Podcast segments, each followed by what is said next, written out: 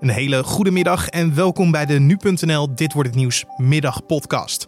Minister-president Mark Rutte kondigde in zijn toespraak van gisteren aan dat we de komende tijd nog wel te maken zullen hebben met het coronavirus en de gevolgen daarvan. Een land wat een aantal maanden voor op ons loopt is China. Daar in de regio Wuhan begon het virus en volgens de autoriteiten zou het al over een piek zijn kunnen we misschien iets leren van hen? Er zijn strenge maatregelen nodig. Je moet snel handelen en, en, en ook rigoureus ingrijpen. Maar op enig moment moet, moeten we wel met z'n allen weer normaal gaan doen. Dat was China-deskundige Fred Sengers. Met hem praten we straks verder over de situatie daar. Maar eerst kijken we kort naar het belangrijkste nieuws van nu. Mijn naam is Carne van der Brink. Het is vandaag 17 maart en dit is de Nu.nl Dit Wordt Het Nieuws middagpodcast. Het aantal besmettingen met het coronavirus in Nederland is opgelopen tot 1705, zo meldt het Rijksinstituut voor Volksgezondheid en Milieu. Inmiddels zijn in het land 43 mensen overleden aan de gevolgen van het virus. Let wel, het totale aantal besmettingen met het coronavirus in Nederland is waarschijnlijk hoger dan het RIVM meldt. Niet iedereen wordt namelijk getest op het virus en het instituut maakt alleen de bevestigde besmettingsgevallen bekend. Het EK voetbal gaat komende zomer niet door vanwege het coronavirus en wordt met een jaar uitgesteld. Zo heeft de UEFA besloten na overleg met alle betrokken partijen. Met het besluit om het EK pas in volgend jaar juni te houden, komt de Europese Voetbalbond tegemoet aan de wens van veel nationale bonden die nu meer ruimte hebben om de stilgelegde competities alsnog af te maken. Het bestuur van Voedselbanken Nederland vreest dat de komende periode veel voedselbanken hun deuren moeten sluiten als gevolg van de coronacrisis. De afgelopen dagen moesten al zeven locaties dicht wegens het gebrek aan specialistisch personeel. Nederland telt in totaal 170 voedselbanken. Hier kunnen Nederlanders die te weinig geld hebben voor boodschappen terecht voor voedselpakketten. De voedselbank wordt volledig gerund door vrijwilligers en het grootste deel van de 12.000 vrijwilligers zijn senioren en zij vallen in de risicogroep voor het virus. Het bestuur vindt het logisch en begrijpelijk dat ze thuis blijven, maar heeft de Tweede Kamer inmiddels wel om hulp gevraagd. Middelbare scholieren die in het laatste jaar van hun opleiding zitten, kunnen ondanks de coronacrisis hun school- en praktijkexamens afronden. Slop meldt dat er uitvoerig is overlegd met deskundigen van het RIVM en we willen iedere leerling de kans geven om het voortgezet onderwijs met een diploma af te ronden. Al dus de onderwijsminister. Zieke leerlingen of scholieren die positief getest zijn op het coronavirus en in quarantaine zitten, mogen niet naar school komen. Zij krijgen de kans om hun schoolexamens in te halen tot de centrale eindexamen op 7 mei starten. Uiterlijk wordt 6 april bepaald of de centraal examens toch niet door kunnen gaan. En patiënten krijgen hun gebruikelijke hoeveelheid medicijnen voortaan nog op recept mee, maar kunnen niet meer bijbestellen voor de nabije toekomst. Die beslissing hebben het ministerie van Volksgezondheid, Welzijn en Sport, apotheken, drogisterijen en groothandels genomen om het hamsteren van medicijnen tegen te gaan. Ook over de levering en verkoop van medicijnen zonder recept zijn besluiten genomen. Zo adviseert het Centraal Bureau Drogisterijenbedrijven om voortaan per patiënt maximaal drie verpakkingen paracetamol en andere zogeheten zelfzorggeneesmiddelen te verstrekken. Door deze maatregelen moeten medicijnen voor iedereen beschikbaar blijven. En dan over naar het hoofdonderwerp van deze podcast. In Nederland hebben we te horen gekregen van minister-president Mark Rutte dat we de komende tijd nog wel te maken zullen hebben met de gevolgen van het coronavirus. In Wuhan, de Chinese stad waar het coronavirus uitbrak, is vandaag slechts één nieuwe besmetting met het virus vastgesteld. En in totaal werden in China 20 nieuwe besmettingen met het virus bevestigd. Volgens Chinese autoriteiten is het land inmiddels over de piek van de crisis heen. Maar is dat wel zo? En kunnen we wat van ze leren? Daarover gaan we in gesprek met China-deskundige Fred Sengers.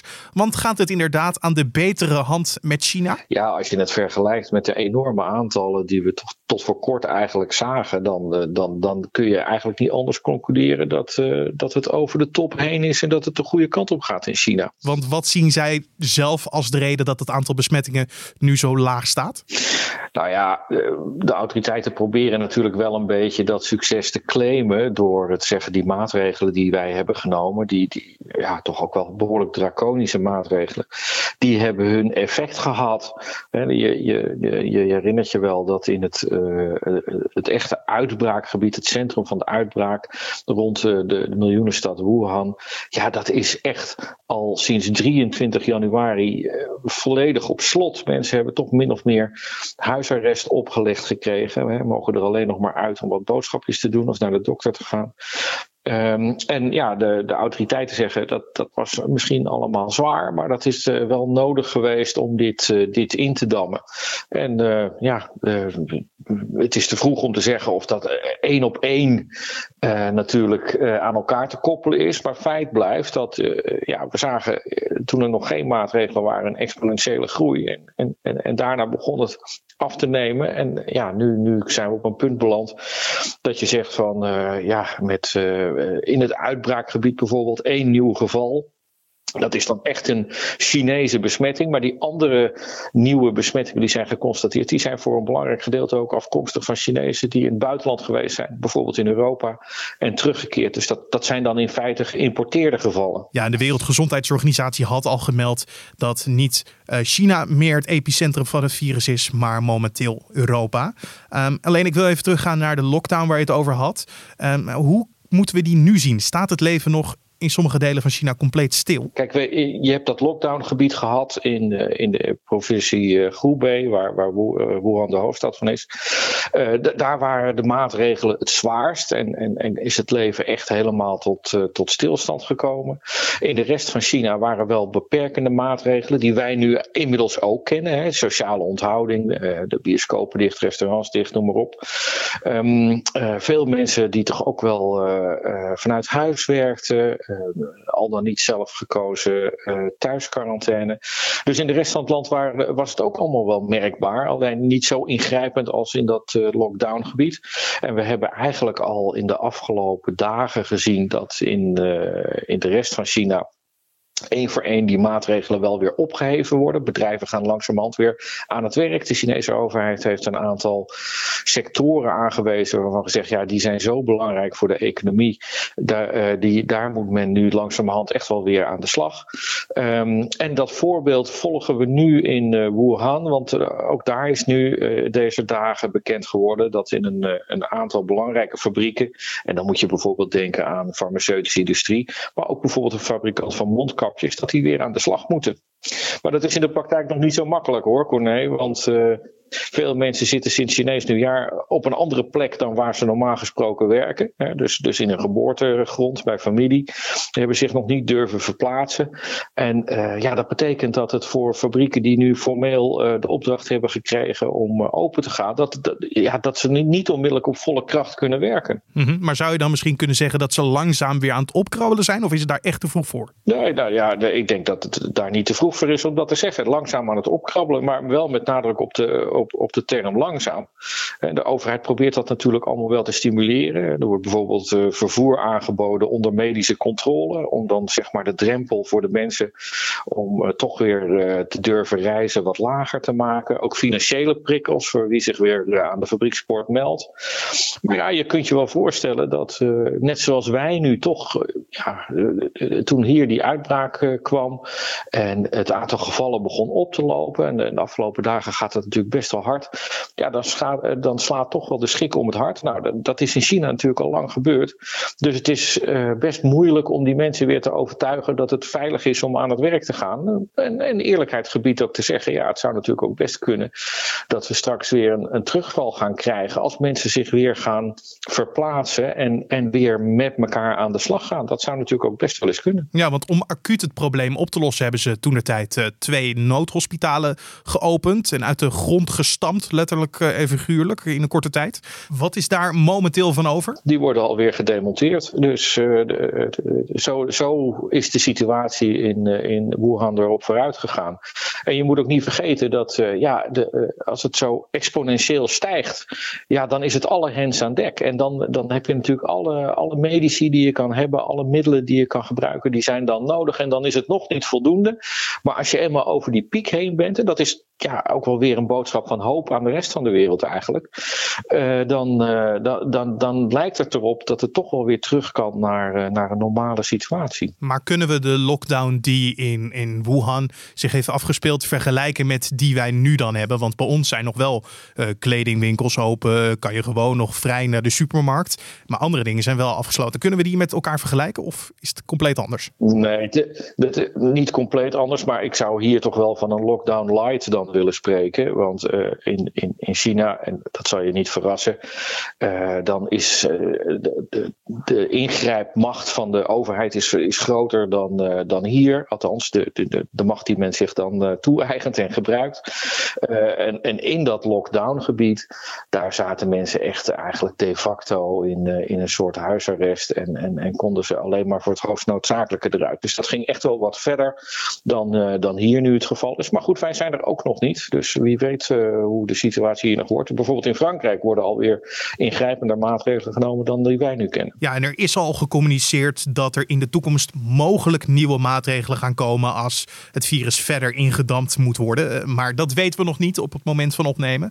Uh, als we nu even teruggaan naar pak een beet 16, 17 jaar geleden. En dan het SARS-virus nemen en dan in combinatie met Azië. Ze hebben daar veel aan gehad hè, in de strijd tegen het coronavirus momenteel. Ja, nou, ze hebben er heel veel van geleerd, uh, zou ik eerder willen zeggen. Uh, dat is, we hebben het dan over eind 2002, begin 2003.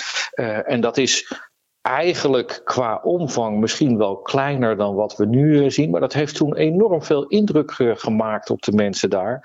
En ook enorme economische consequenties gehad. Want mensen durfden niet meer te reizen. Het economisch leven kwam tot stilstand. Um, en dat heeft toch bij veel regeringen in Azië ertoe geleid dat ze hebben gezegd: dat willen wij nooit meer. Dat, daar, daar willen we op voorbereid zijn.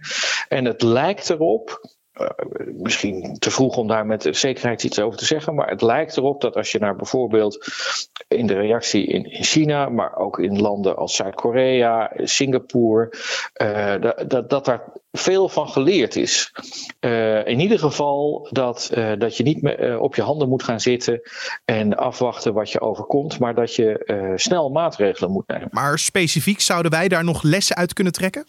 Ja, nou, ik zag op het NOS-journaal maandagavond zag ik een Chinese arts en die zei: wie faalt in de voorbereiding, die bereidt zich voor op falen. Dat, dat vond ik heel mooi hoe die dat zei. En, en dat is denk ik wel de essentie, want die, die periode van 16, 17 jaar waar jij het over hebt, die is in, in Azië echt gebruikt om zich voor te bereiden op een nieuwe calamiteit, een nieuwe gezondheidscalamiteit die, die zich nu voordoet.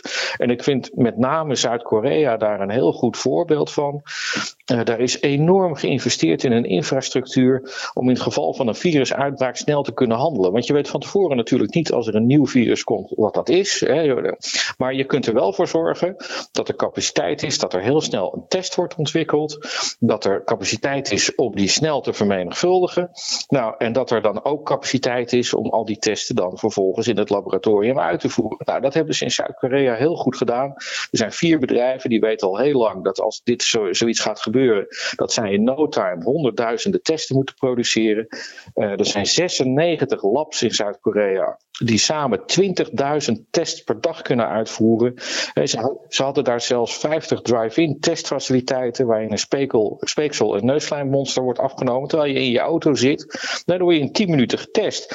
Nou, dat, dat soort dingen dat heeft allemaal te maken met voorbereid zijn. Dat als het nodig is, dat je dat allemaal uitrolt. Je trekt een klapper uit de kast waar het allemaal in staat iedereen weet wat hij moet doen. En dat vind ik echt wel een heel krachtig voorbeeld. Dat waren dus lessen die zij hebben geleerd uit het verleden. Laten we teruggaan naar het heden. Wat denk je dat op dit moment de grootste pijlers uh, zullen worden voor China en Azië op zich? Uh, weer zoals we het net zeiden, langzaam, voorzichtig opkrabbelen? Ja, ja je moet op een gegeven moment natuurlijk wel. Kijk, de, de, de, wat premier Rutte ook zei, uh, je, je kunt natuurlijk niet een jaar lang je hele land op slot doen. Dat, uh, dat, dat is gewoon niet mogelijk. Dus op enig moment, dus, er zijn strenge maatregelen nodig. Je moet snel handelen en, en, en ook rigoureus ingrijpen. Maar op enig moment moet, moeten we wel met z'n allen weer normaal gaan doen. En dat is uh, in, in China gebeurt dat nu al. Um, want die hebben natuurlijk dramatische economische cijfers over de eerste twee maanden van het jaar. Dat kun je ook wel voorstellen. Um, dus die, die gaan weer beginnen. En dan moeten wij met z'n allen ook goed kijken hoe dat daar gaat. Of het, of het virus toch niet opnieuw de kop opsteekt als iedereen weer aan de gang gaat. Of dat je erin kan slagen om mensen goed te monitoren en allerlei voorzorgsmaatregelen zoals hygiëne te nemen. Dat het dan toch weer gaat.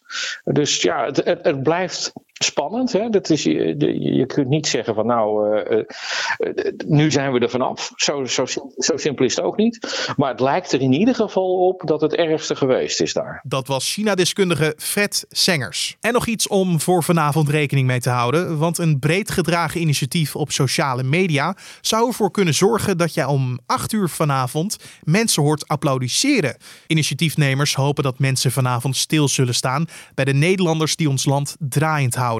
Door het coronavirus staat er namelijk veel druk op de mensen in de zorg, voedselvoorziening of die de openbare orde moeten bewaren. Daarvoor is de oproep om om 8 uur vanavond drie minuten lang te klappen voor ze. En dan nog even het weer. Vanavond en vannacht zijn er brede opklaringen en koelt het af naar 5 of 6 graden. Morgen is er in het noorden vrij veel bewolking, maar in het zuiden schijnt de zon regelmatig en het wordt 11 graden aan zee tot 17 graden in Limburg. En om af te sluiten nog even dit. Mocht je nou een muziekliefhebber zijn en constant aan het balen bent dat je niet naar een concert mag vanwege het coronavirus. Niet alleen jij baalt, maar ook de artiest in kwestie. Daarom gaan er steeds meer acteurs, muzikanten en dansers oplossingen verzinnen om de mensen toch te amuseren. Bijvoorbeeld de wereldberoemde artiest John Legend geeft dinsdagavond, vanavond dus, een concert vanuit zijn huis.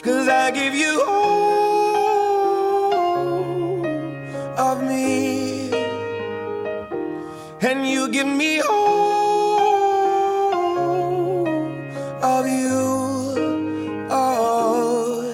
De zanger is vanavond om 10 uur Nederlandse tijd te zien via zijn Instagram-kanaal en zal ook verzoeknummers spelen. In Nederland zijn er ook veel initiatieven. Zo publiceert cabaretier Paul Hane zijn voorstelling op YouTube en gaf blues rockband De Wolf zaterdag een concert dat niet toegankelijk voor publiek was, maar wel gelivestreamd werd. Dus genoeg manieren om je tijd thuis toch nog wat leuker te maken. En dit was dan de Dit wordt het nieuws podcast voor deze dinsdagmiddag 17 maart. Je vindt de podcast elke maandag tot met vrijdag om 6 uur ochtends en in de middag op de voorpagina van nu.nl en in je favoriete podcast app. Vergeet je niet te abonneren in die apps zoals een Spotify of een Apple Podcast. Het is helemaal gratis en zo staat de podcast elke dag voor je klaar. Mijn naam is Carne van der Brink. Ik wens je een hele mooie dag nog en een mooie avond en tot morgen.